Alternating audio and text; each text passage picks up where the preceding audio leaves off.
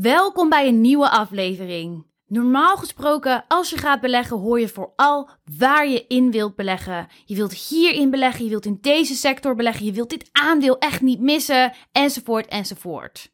Maar als je nou eens bij iets anders begint, als je nou eens begint bij waar je niet in wilt beleggen, dat helpt je een heel eind op weg. Waarom en hoe je dat kan doen, dat hoor je in deze podcast.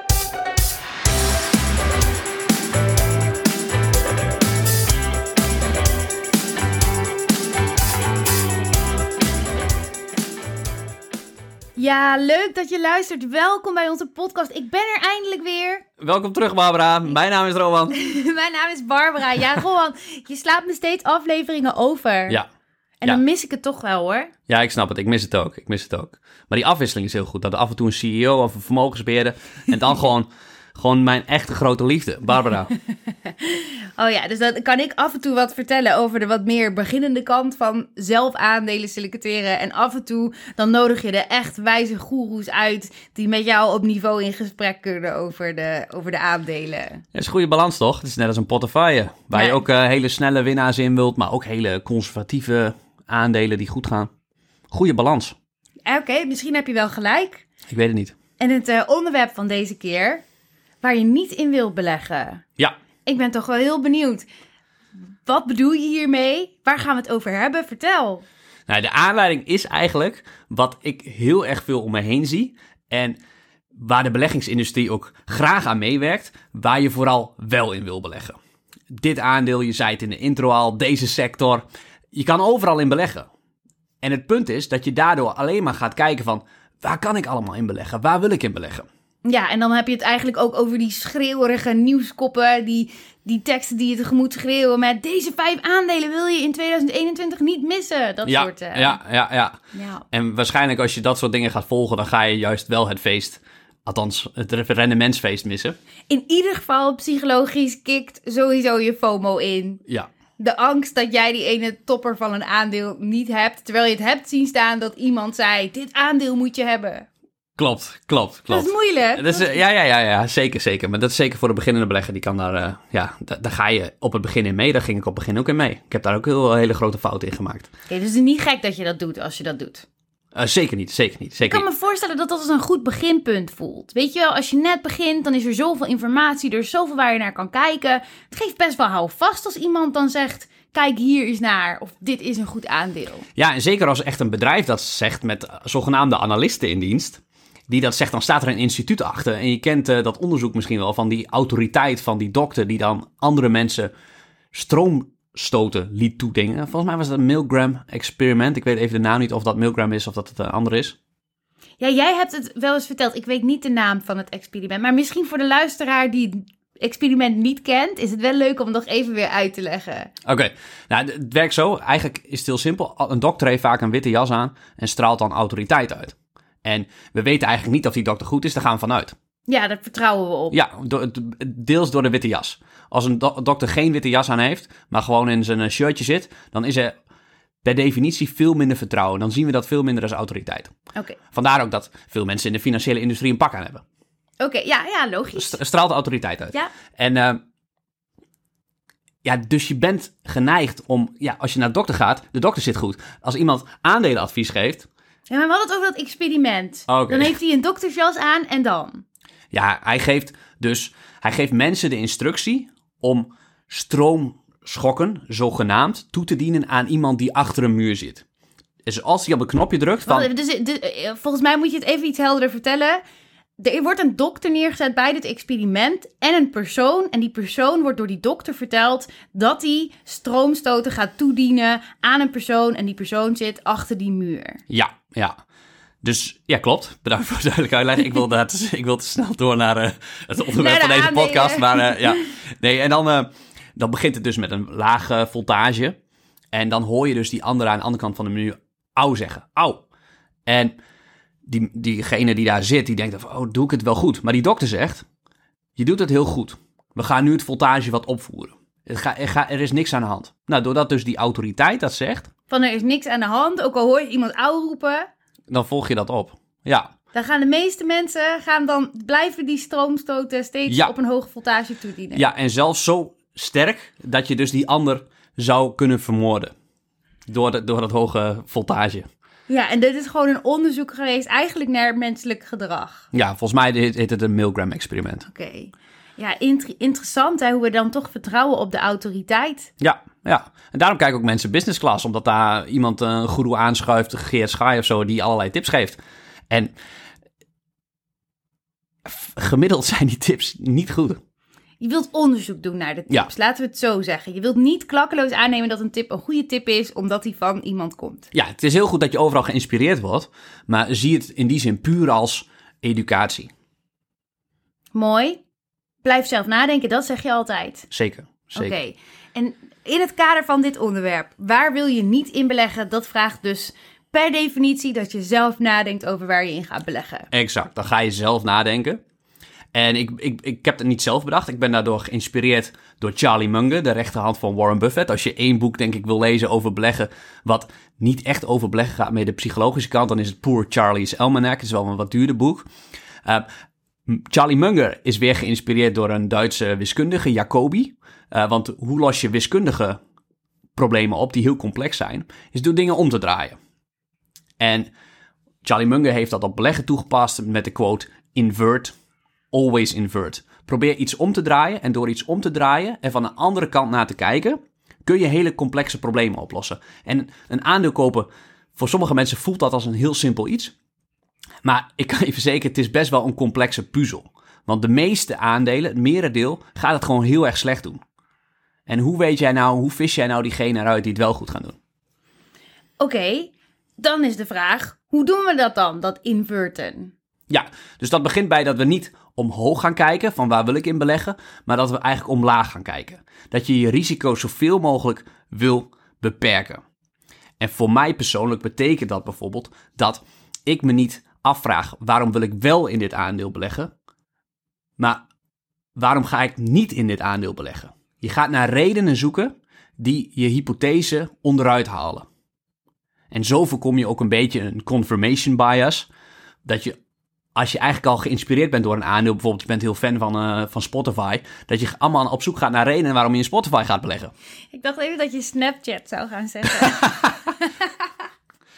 ja, ja dat, ik, dat kunnen we ook nog wel even doen. Wat gaat niet zo goed met Snapchat? Nee, ik kreeg vanochtend een mailtje van de Giro dat mijn positie met 10% was gedaald. Zo'n waarschuwingsmailtje. Ja, ja. Dat nou, lullig. Ja, ja, ja. ik vind dat eigenlijk ook wel een beetje ratten van de Giro. Want die meldingen, dat doen ze zogenaamd als inlichten dat je positie dus slecht gaat. Met daling met 10% krijg je dus een mailtje van je het positie. Het voelt bijna alsof ze met je meedenken, weet je? Ja. Zo'n veiligheidscheck. Zo van, wij waken ook over ja, je. Ja, maar eigenlijk is het zo bedoeld van de gedachte erachter.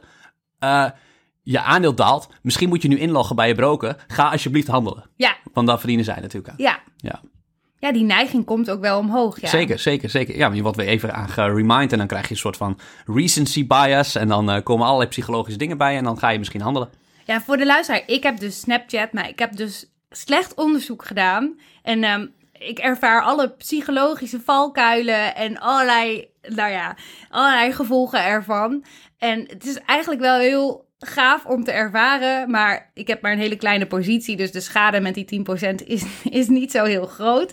Ik heb wel, vind ik, goed gehandeld. Ik heb niet iets gekocht of verkocht, maar ik heb even online gegoogeld wat er nou eigenlijk precies gebeurt.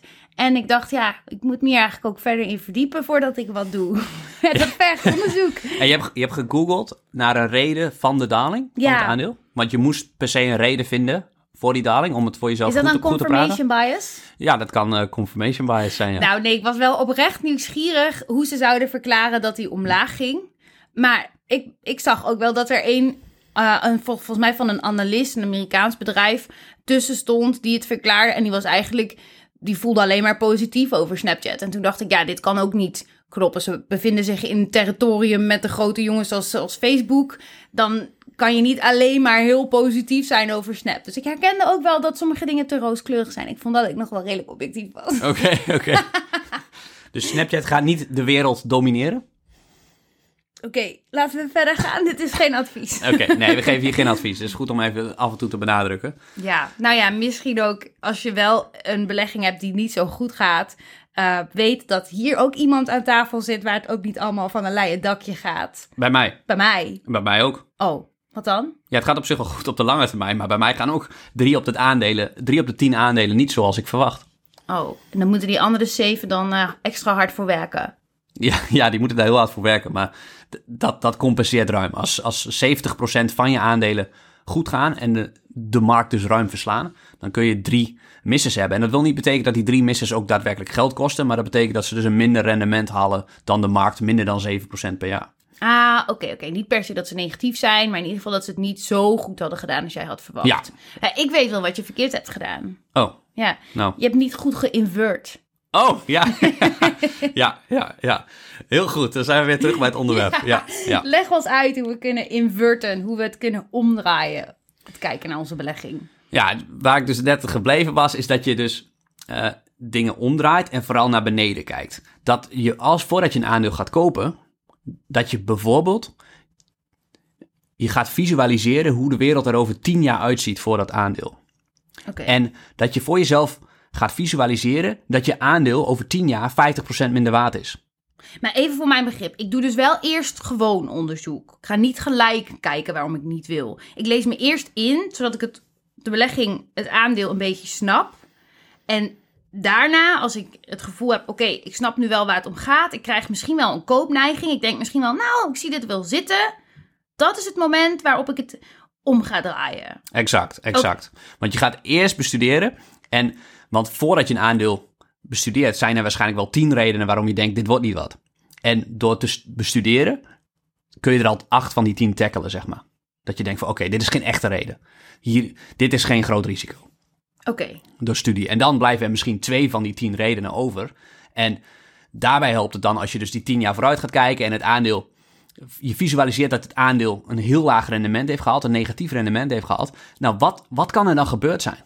Wat kan er dan gedurende die tien jaar gebeurd zijn dat jouw belegging zo, het zo slecht heeft gedaan?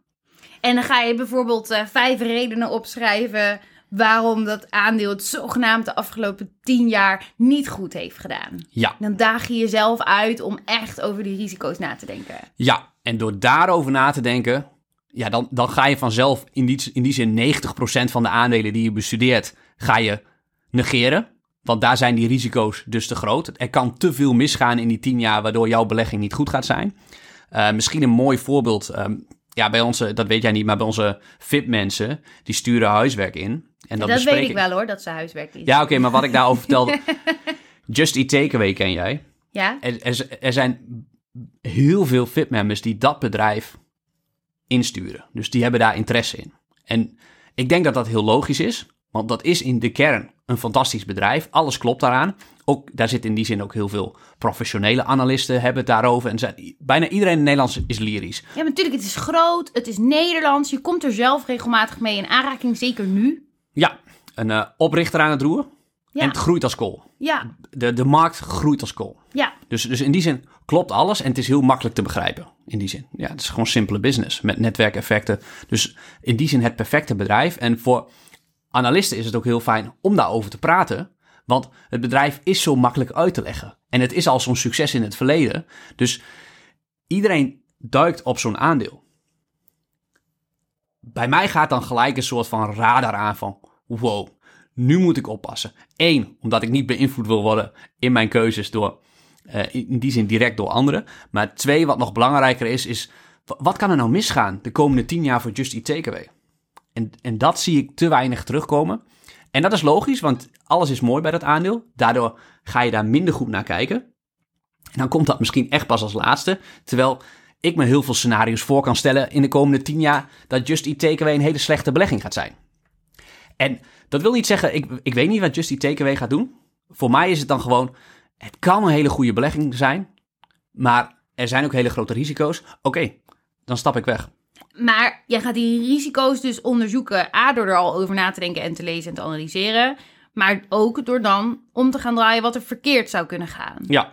ja. En tot welke conclusies kom je dan als we het over Just Eat Takeaway thuis bezorgd hebben? Wat dan een groot risico is. Ja, maar nou, draai hem eens om. Geef ons een voorbeeld. Hoe werkt dat? Nou, je kan bijvoorbeeld de marktaandelen bekijken in de UK, gewoon via Google, of in Amerika, hun laatste aankoop van Grubhub. Dus ze hebben een jaar geleden die overname aangekondigd, maar in het afgelopen jaar is dat marktaandeel in Amerika van Grubhub gigantisch hard gedaald. En ja, het bedrijf groeit nog steeds. De orders die ze verwerken groeit ook in Amerika, maar concurrenten groeien veel en veel harder. Maar nu analyseer je. Dit is niet omdraaien volgens mij. Ja, dit is zo'n aspect wat mis kan gaan. Dat je in een hele grote markt die heel hard groeit de komende jaren, waar het lijkt of Just Eat Takeaway perfect gepositioneerd is, concurrenten veel dominanter zijn, veel diepere zakken hebben. Oké, maar misschien kunnen we hem echt doen zoals je hem zei. Dus we gaan tien jaar in de toekomst. We hebben zogenaamd belegd in Just Eat Takeaway. Maar onze belegging viel gigantisch tegen en we kijken terug. Wat zien we dan? Ja, dan zie ik in die zin een bloedbad. En dat Just Eat Takeaway misschien alleen nog dominant is in zijn echte huismarkt, eh, thuismarkt, Nederland en misschien in Duitsland. En dat de UK die slag verloren is. Dat ze daar hebben moeten afdruipen. Dus wat is er misgegaan? Werelddominantie was een bloederige oorlog die veel geld kostte. En uiteindelijk is Just Eat Takeaway gesneuveld in de strijd. Ja, ja ik, ik denk nu aan een andere parallel van de Tweede Wereldoorlog. Dat, dat Hitler begon met landen veroveren en dat op het begin ging het best wel goed. En dat wordt dan doorgetrokken van, oh, we gaan de hele wereld veroveren. Terwijl dat toch anders, gelukkig maar, anders is uitgepakt. Ja, mm, suggereer je nou dat als Hitler misschien bij de Europese landgrenzen was opgehouden, bijvoorbeeld niet Rusland ook eens in was gegaan, dat, het, dat we nu bij Duitsland hoorden? Dat denk ik niet, want dat, er zijn toch andere regels in die oorlog dan in de bezorgmaaltijdenoorlog. dus, eh, dus dat weet ik niet, dat weet ik niet.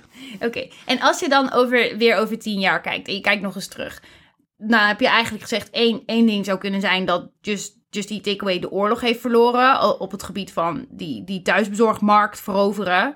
Wat zou nog iets anders kunnen zijn wat jij dan ziet van, hey, dit zou dan ook een gevaar voor, voor deze belegging kunnen zijn geweest? Weet ik niet. Nou, misschien komt er wel een andere manier van vervoeren, dus worden ze weer gedisrupt. Ik denk dat dat in de komende tien jaar best wel eh, Ja, gezien bezorging echt in een sneltreinvaart ontwikkeld en zij ook in de bezorgmarkt zitten. Kijk naar al die pakketjes die we aangeleverd krijgen. Ja, daar gaan de komende jaren echt wel verbeteringsslagen in komen. Efficiëntie en, en nieuwe manieren, denk ik ook, Ja, van die pakketjes bezorgen.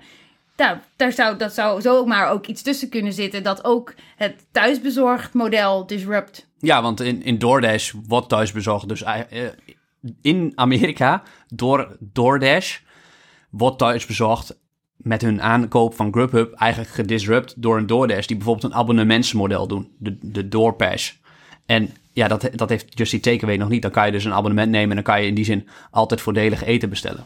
Oké, En als ze daar niet in meegaan, kijk, klanten zijn uiteindelijk niet zo sticky. De, de wisselkost, de lock-in bij thuisbezorgd is niet zo groot.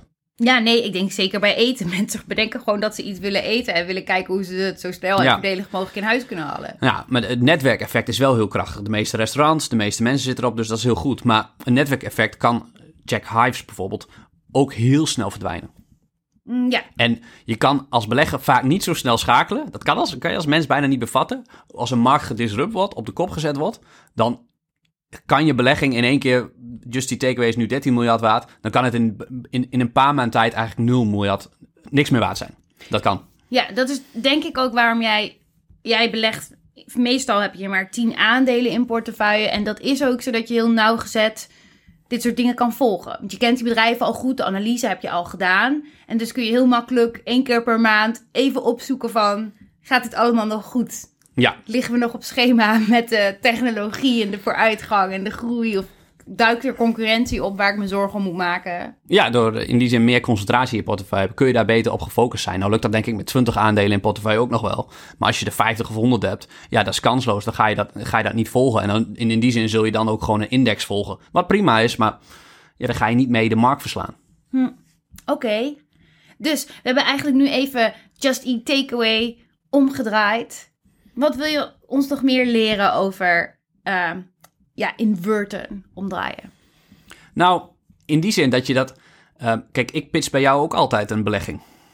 voordat ik hem koop. Meestal. Meestal, ja. Als je, als je, wil, als je wil luisteren, als je zin hebt in beleggen. nee, nee dat, dat, dat is goed. Maar eh, daarom heb ik ook bijvoorbeeld een beleggingsclub. En dat raad ik in die zin iedereen aan. Want dan kan je het voorleggen aan een groep. En dan, en dan zeg je het eigenlijk tegen de groep van... "Mm, Ik, ik heb hier, dan zeg je, ik heb een bedrijf gevonden. Ik denk dat dit kansrijk is. Dit is één risico, dit is een risico. Ehm, maar ga er eens met z'n allen op schieten. Maak het eens helemaal kapot.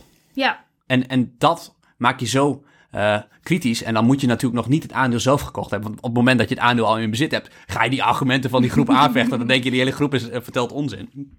Maar, Dan kan je eh, er minder goed naar luisteren wat er gezegd wordt. Ja. Dus eigenlijk zeg je, de kracht van een groep zoekt dat ook vooral op. ja, joh, ja, ja. Dat is wel grappig. Ik heb het zelf ervaren. Ik zat bij een mastermind met andere vrouwelijke onderneemsters. En dan ervaar je ook de, de kracht van de groep. En toen werd ik me er zo van bewust. Je leeft in je eigen informatiebubbeltje. Jij weet wat je al weet. En de enige manier om daaruit te stappen is door of een bepaalde vorm van educatie te volgen. Dat kan natuurlijk een cursus of een training zijn, maar ook een boek lezen. Zodat je nieuwe ideeën en gedachten tot je neemt. Moet je er alsnog wel voor openstaan. Als je stug vasthoudt aan wat je al weet, blijft dat bubbeltje bestaan. Maar ook de kracht van de groep. Want in, in die hele mastermind ervaarde ik zo... mensen geven een ander perspectief op jouw bedrijf... en op wat jij doet en hoe je denkt. Dat echt letterlijk je blik wordt geopend voor al die andere mogelijkheden. En dat je denkt van, oh ja, ik weet ook eigenlijk alleen maar wat ik al weet. En dat is heel beperkt. En als je in dat bubbeltje blijft leven... Ja. dan blijf je ook in dat bubbeltje leven. Ja, ja, Dat is een beperking bijna. ja, ja. Ja, dus ik herken dat die kracht van de groep is zo sterk. Ja, want dan krijg je de, en dan wil je wel een goed gebalanceerde groep samenstellen. Eh, want kijk, in die zin is een groep Nederlanders ook niet echt gebalanceerd als je het hebt over Just Eat Takeaway. Want dat is Hollandse glorie. Dat is ons bedrijf. Zeker met die oranje, oranje tassen en die bezorgdingen. We zijn per definitie al bevooroordeeld over Ja, Just Eat Takeaway. Maar ik denk als je zelf de beleggingsgroep, nou, een van onze VIP-groepen, stel dat dat vol met Amerikanen zit, dan denk ik, die zeggen allemaal, ja, Just Eat Takeaway is het laatste bedrijf op deze planeet wat je wil bezitten. Die worden volledig gedisrupt. Nou ja, de waarheid ligt waarschijnlijk ergens in het midden. Dat weet ik niet, dat zal de we toekomst horen het al, we uitwijzen. moeten, we moeten buitenlanders aan gaan trekken. En we hebben veel Belgen in onze trainingen. Belgen zijn hele goede beleggers. Beter, gemiddeld beter dan Nederlanders, denk ik, omdat ze eh, veel genuanceerder zijn. Het is niet zwart-wit. Dus bij Tesla zie je het altijd, of je haat Tesla, of je houdt ervan. Ja, ik, ik zit vaak in het midden, dus ik, ik hou van die nuance. En in die zin vind ik, vind ik Belgen geweldig, want die zijn daarin heel genuanceerd. Ik weet niet wat dat is, een cultuurdingetje of zo. Of generaliseer ik waarschijnlijk nu, maar... eh, Oké, nou ik zat te denken aan misschien ook dat we mis- misschien een Duitser kunnen vinden, een Amerikaan, een Brit. Doen we een international beleggingsgroep. ja, dat is goed, dat is goed. Oké, gaan we naar kijken. Mooi. Wat wil je ons nog meer leren over inversion, heet het toch? Nou ja, ehm één ding wat ik iedereen zou willen meegeven is dat, dat je niet gaat kijken om een aandeel te kopen en daarbij redenen gaat verzinnen, maar vooral redenen gaat verzinnen om een aandeel niet te kopen. Waarom zou je dit idee weg kunnen leggen? En dat betekent waarschijnlijk wel naar veel bedrijven kijken, veel stenen omdraaien, kijken of er iets interessants onder zit. Vaak teleurgesteld worden, ook na een tijdje studie. Maar dat gaat je zo helpen. En als je eenmaal die bedrijven gevonden hebt, die dus zo geschikt zijn en wij het omgedraaid hebben en die risico's dus zo minimaal mogelijk zijn en je daar bewust van bent. Kijk, de risico's kunnen we nooit uitsluiten. Vandaar gaat ook eh, drie van de tien bedrijven gaan bij mij verkeerd, doordat ik de risico's blijkbaar te rooskleurig inschat. Eh, het is nou eenmaal toekomst en het voorspellen van de toekomst is per definitie denk ik eh, een uitdaging, omdat het over de toekomst gaat. Ehm, maar door dat perspectief, perspectief, door naar beneden te kijken, helpt dat ontzettend. En door in die zin ook heel ver vooruit te kijken. Want eh, misschien leuk om nog een voorbe- paar voorbeelden te pakken. Ja, vind ik zeker leuk. Ehm, Uber bijvoorbeeld doet het nu hartstikke goed. Ehm, je zou kunnen zeggen, over tien jaar bestaat het bedrijf niet meer. Ja, daar kan ik inkomen. Ja, Ja, hoe dan? Nou, dus eigenlijk moet ik dan denken aan wat ik net vertelde over bezorgen. Dat ik denk, als daar nieuwe automatische technologie voor ontstaat in de komende tien jaar, die bijvoorbeeld automatisch eten rondrijdt of automatisch pakketjes rondrijdt, kunnen ze ons ook wel automatisch gaan rondrijden. Tesla is daar natuurlijk ook al mee bezig en volgens mij Google ook. Nou, je hebt best kans dat het eh, binnen de komende tien jaar ook wel echt op de markt zit. Ja, Nou, als het allemaal zelf rijdt, dan heb je Uber niet meer nodig. ja. En dan zijn eh, per direct alle taxichauffeurs hun baan kwijt in de wereld. Ja, Tenminste, als er genoeg auto's in beweging zijn, eh, op de markt zijn die, eh, die zelf kunnen rijden en zelf voor jou kunnen taxiën. En dus geld kunnen genereren voor de consument. Ja. Of nou ja, de taxichauffeur heeft eigenlijk veel meer geluk. Die kan zijn automatisch rijdende taxi beschikbaar stellen. En voor de rest kan hij gaan vissen de hele dag. Dat, ja, dat zou ook kunnen misschien. Klinkt best goed. Dan, dan werkt de auto voor je. Dat was ook Tesla's eh, idee, toch? Ja. Elon Musk's idee. Ja, dat de auto ja, geld voor je gaat verdienen. Ja, ja, ja dan, is een, dan is een auto in één keer een investering in plaats van de slechtste aankoop die je kan doen. Ja, precies. Heb je nog een mooi voorbeeld? Nou, ik, ik vind de Nederlandse banken altijd een mooi voorbeeld. Als je er nu in ziet, dan kijk je naar eh, het, het, het mooie dividendrendement. Dat ze tijdelijk wat geraakt zijn door corona. Maar als de economie gaat herstellen, dat dat heel goed is voor banken. Maar ik denk als je ook hierbij tien jaar vooruit kijkt. En denkt, wat kan er misgaan? Wat, hoe ziet de wereld er over tien jaar uit? Ik denk dat ze niet meer in de huidige vorm bestaan. En dan kan het best zijn dat het, als je belegt in ABN AMRO of ING, dat het komende jaar een fantastisch jaar gaat zijn. De meeste beleggers kunnen niet zo ver vooruit kijken. En dat is heel goed, want daarom de, winnen degenen die wel verder, verder vooruit kunnen kijken. Maar wat gebeurt er bijvoorbeeld als je hebt een ABN of een ING in portefeuille, maar het aandeel gaat, gaat dalen de komende maanden met 30%. Ja, dan krijg je een soort van loss aversion, want je wil dat verlies niet nemen. Dus dan is de kans zomaar aanwezig dat je over vijf jaar nog steeds met die aandelen in portefeuille zit. En dan komt die disruptie natuurlijk steeds dichterbij. En dan ga je in die zin nooit je beginaankoop weer terugzien. En dan uiteindelijk is het een slechte belegging. Ja, ja, ja. En dat zijn vaak niet alleen, en dat, dan komen we ook weer bij het onderwerp af, waar wil je niet in beleggen? Aandelen die eh, permanent verlies van kapitaal opleveren. Daar wil je, die wil je mijden. En dat zijn het merendeel van de aandelen. De meeste bedrijven zijn helaas gewoon hele slechte beleggingen. Er zijn slechts een aantal zijn er goed en die, die wil je dus vinden. Wat bedoel je daar dan mee? Je zei die kapitaal verliezen of...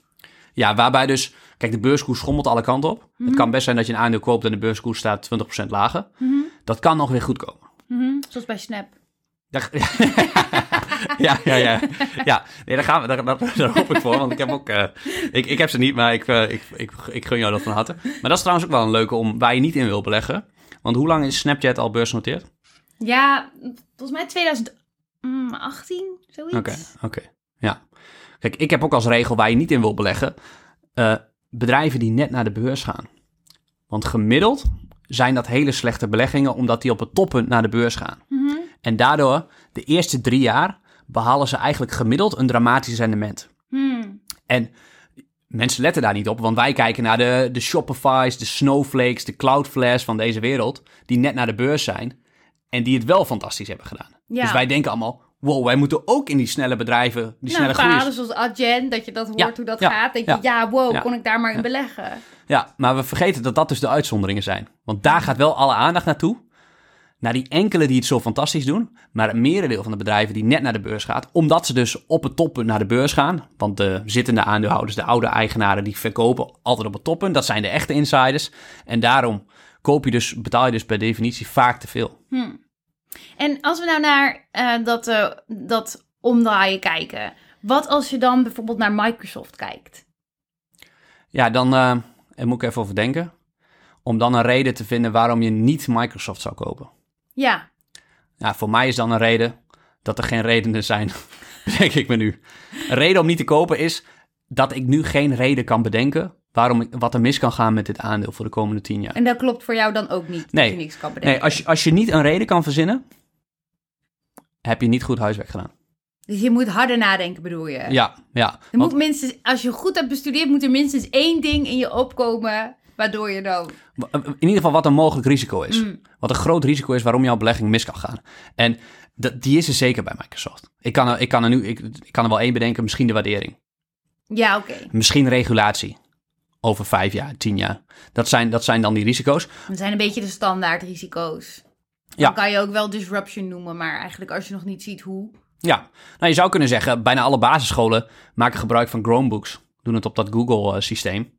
En als die kinderen allemaal niet meer verslaafd zijn aan Microsoft Word en Microsoft Office, dat is dan wel een groot probleem. Want dat is wel een gigantische cash cow voor Microsoft. Maar dat gaat zich waarschijnlijk pas over tien jaar aandienen. Ja. Ja, en, en heb je nog een voorbeeld dat je met ons wilt delen? Mm. Nee, ja, niet echt. Maar misschien is het wel leuk om eh, in die zin ook wat concrete dingen te zeggen van waar wil je bij wegblijven? Waar wil je bij oppassen? Net als dit voorbeeld van die, eh, van die bedrijven die net naar de beurs gaan. Daar wil je mee oppassen. Ja, categorieën, daar zat ik ook aan te denken. Of is dat niet wat je bedoelt? Ja, bijvoorbeeld dat eh, je wil niet beleggen in iets wat je niet begrijpt. Mm. Heel gezond verstand. Toch zie ik de ene na de andere allemaal aandelen kopen die ze eigenlijk niet begrijpen.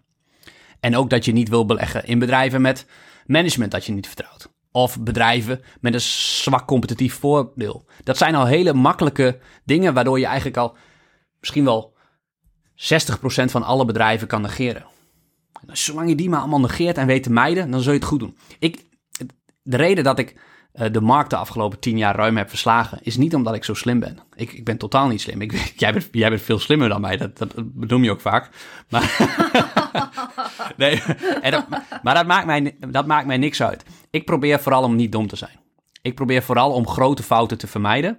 En als je dat doet, door het dus om te draaien, ga je als het ware vanzelf die markt verslaan. Oké, met een lange termijn perspectief. Ja, en mits je aan bepaalde uh, systemen houdt en regels. Bijvoorbeeld wat die ik net noemde. Alleen in wat je belegt en wat je begrijpt. Niet in fraudeleus uh, management. Alleen in bedrijven met sterke competitieve voordelen. Nog een paar die ik kan bedenken is dat ik in die zin alleen wil beleggen in bedrijven waarvan de omzet groeit. Bij de meeste bedrijven groeit de omzet niet. En wat me ook wel leuk lijkt, is als we een paar categorieën kunnen meegeven. Een aantal categorieën die mensen kan inspireren als ze voor het eerst gaan proberen om omgedraaid over hun belegging na te denken. Van waar kan je het dan zoeken? Want ik kan me voorstellen dat om daar even in te komen, dat dat nog best lastig kan zijn. Hoe kijk je er dan naar? Ik kan me bijvoorbeeld voorstellen dat je wilt nadenken over het land waar je in belegt. Ja. Of de regio. Of misschien wel de schaal, internationaal. Dat dat allemaal elementen zijn Um, want bijvoorbeeld wat ik heel erg leuk vind aan dat thuisbezorgd verhaal is... we zijn als Nederlanders heel erg geneigd om in dat verhaal te kijken naar Nederland. En daar is thuisbezorgd gewoon dominant. Ja. Maar als je naar het aandeel thuisbezorgd kijkt... dus niet vanuit de gebruikerservaring, maar naar het aandeel... is het een internationaal aandeel en moet je kijken hoe ze het internationaal doen. Dat zei jij eigenlijk ook al.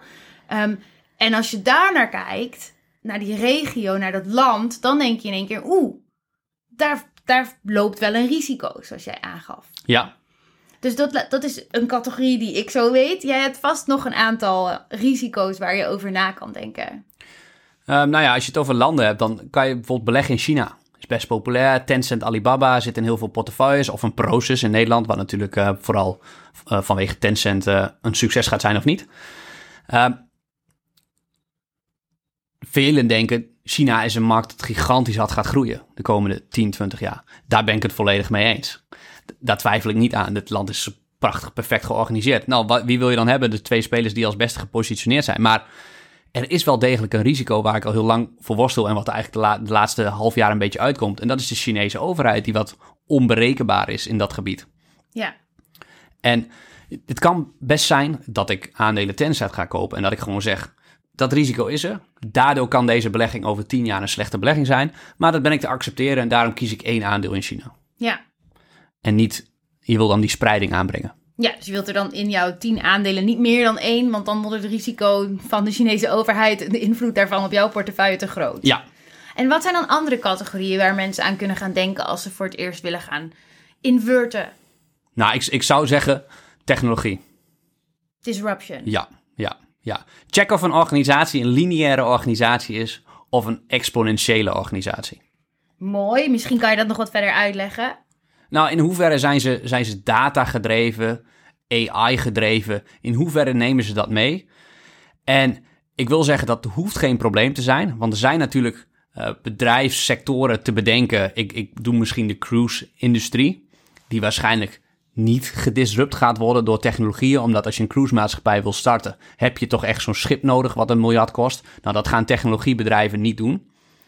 Um, wel om ze allemaal slimmer te laten varen, slimme klanten te laten boeken. Maar in die zin, in de kern wordt een cruisemaatschappij natuurlijk niet gedisrupt door een exponentiële, datagedreven organisatie. Nee, als je wilt uitbreiden, heb je een extra schip nodig. Ja. Dat is dan lineair. Ja, je kunt, daar, je kunt daar alleen lineair groeien. Um, misschien een leuk, heb je een leuk voorbeeld wat even dat verschil duidelijk maakt tussen een lineaire of een exponentiële organisatie? Volgens mij um, zat ik te denken aan TomTom bijvoorbeeld versus uh, Google Maps. Oké, okay, leg uit. Uh, nou, Google, Google Maps maakt natuurlijk gebruik van alle Android-gebruikers die eh, rondrijden en die dingen doen.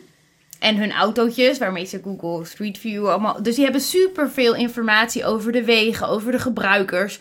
Ik denk ook zelfs over shortcuts die mensen nemen. Die bijvoorbeeld stiekem een snellere route zijn naar een weg dan.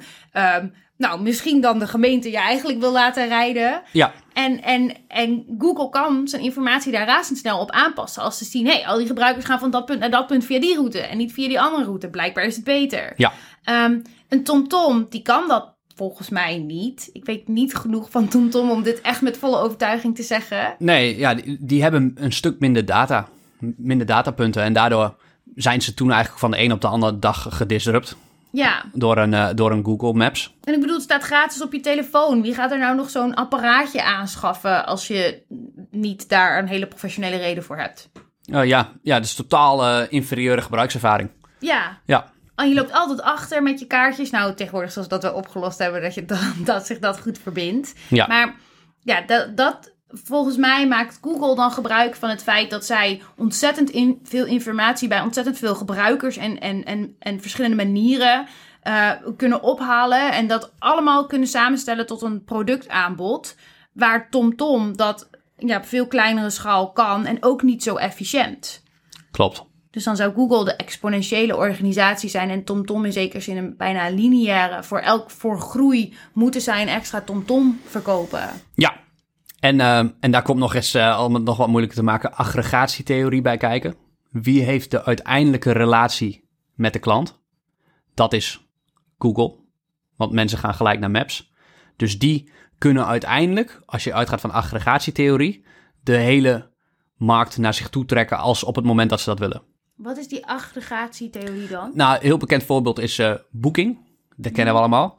Booking haalt de helft van zijn klanten ongeveer via Google advertenties weg. Of via Google, organisch. Dus die zijn in die zin afhankelijk van Google. Maar wie heeft de uiteindelijke relatie met de klant op dat gebied? Is dat Booking of is dat Google? Dat is Google, want mensen gaan eerst naar Google. Er gaan natuurlijk ook mensen rechtstreeks naar Booking, maar dat is de helft. En daar, daar hebben we het nu even niet over. Maar die andere helft, die heeft de eerste relatie met Google. Dus Google kan besluiten om Booking weg te vagen. Als ze dat willen. Ja, Lopen ze, niet meer in hun, eh, op hun eerste pagina laten zien. Ja, of, of zelf zo'n eh, boekingplatform installeren met lagere commissies. En dan, dan is Booking in die zin één keer, in één keer weg. De, Google heeft die keuze vanuit aggregatietheorie. Als je de uiteindelijke relatie met de klant hebt. Degene die de eindrelatie heeft, die kan winnen. Waarom hebben ze dat nog niet gedaan dan? Ze hebben die informatie allemaal heus al wel. Nou ja, Booking betaalt per jaar, dit jaar dan niet, maar 5 miljard aan advertenties aan Google. Hmm. Dus dat is een heel makkelijk verdienmodel. Ik sluit niet uit, want dat is dan wat er mis kan gaan bijvoorbeeld bij een belegging in Booking. Is, is, is, je bent afhankelijk van Google. Nou, zou ook nog de macht van Google een rol spelen? Dat ze het niet durven, omdat ze dan te machtig worden. Ja, Ja, dat zal misschien een rol spelen. Maar ik denk, dit is zo'n lucratieve markt met weinig regulatie. Dat ze dan misschien eerder voorzichtig zijn met het verzekeringstak betreden of de bankentak met heel veel regulatie. Dat dit een hele makkelijke markt is om in die zin helemaal naar je toe te trekken. Ze zouden gewoon kunnen bepalen waar wij allemaal op vakantie gaan. Dat ze gewoon als Nederlanders naar een vakantie zoeken alleen maar bepaalde gebieden laten zien. En dat als Duitsers zoeken dat ze andere gebieden laten zien. Ze zouden gewoon op subtiele manier helemaal kunnen sturen waar wij wel of niet heen gaan op de wereld. Ja, ja. Maar jij zit nu mij en allemaal luisteraars lekker te maken met vakanties, wat nog allemaal niet mogelijk is. Oké, Oké, is er nog iets wat je over dit onderwerp aan ons kwijt wil? nee. Je kan je nog inschrijven tot 1 april. Dus ik weet niet wanneer je dit luistert, maar tot 1 april 2021 kun je onze eerste thema van ons VIP-membership gratis proberen. Je kunt als het ware een proefmaand doen. Er staat ongeveer, denk ik, twee uur aan materiaal in. Dus lijkt je dat nog leuk? Kijk dan even in de shownotities, daar zetten we een link neer. Dan kun je nog aanmelden en dan kun je nog gewoon even kijken wat erin staat. Dat is echt hartstikke leuk. En in het verlengde daarvan kun je ook nog aanmelden voor de VIP-training die op 1 april start. Er zijn nog enkele plekken voor beschikbaar. Ehm, dan kun je dus zelf de kracht van de groep waar we het eerder over hadden, die kun je gaan ervaren. Want wat de VIP-groep zo vet maakt, is die dynamiek, die werking van die groep. En het feit dat je een groep gelijkgestemde beleggers om je heen hebt en wie je dingen voor kan leggen, met wie je aandelen kan bespreken. Ja, dat is zo gaaf. Dat zien we elke keer weer. Als je dat wilt ervaren, schrijf je dan in voor de VIP-training. Ja, Dat waren alle boodschappen die ik had. hadden we er nog een korting voor? Geloof ik, als je podcast invoert. Bij het afrekenen oh. krijg je 20% korting. Ja, dus, ja, Voor de loyale luisteraar, dat we dat zo leuk vinden. ja, dus mocht je, mocht je dat willen gaan doen, vul dan ook vooral de kortingscode podcast in. Nou, dat was het. Einde berichten. Dank, dank u weer. Hele fijne dag. Hele fijne dag. Ja, dankjewel voor het luisteren en tot Ja, nee, echt bedankt voor het luisteren. Super tof. Tot doei.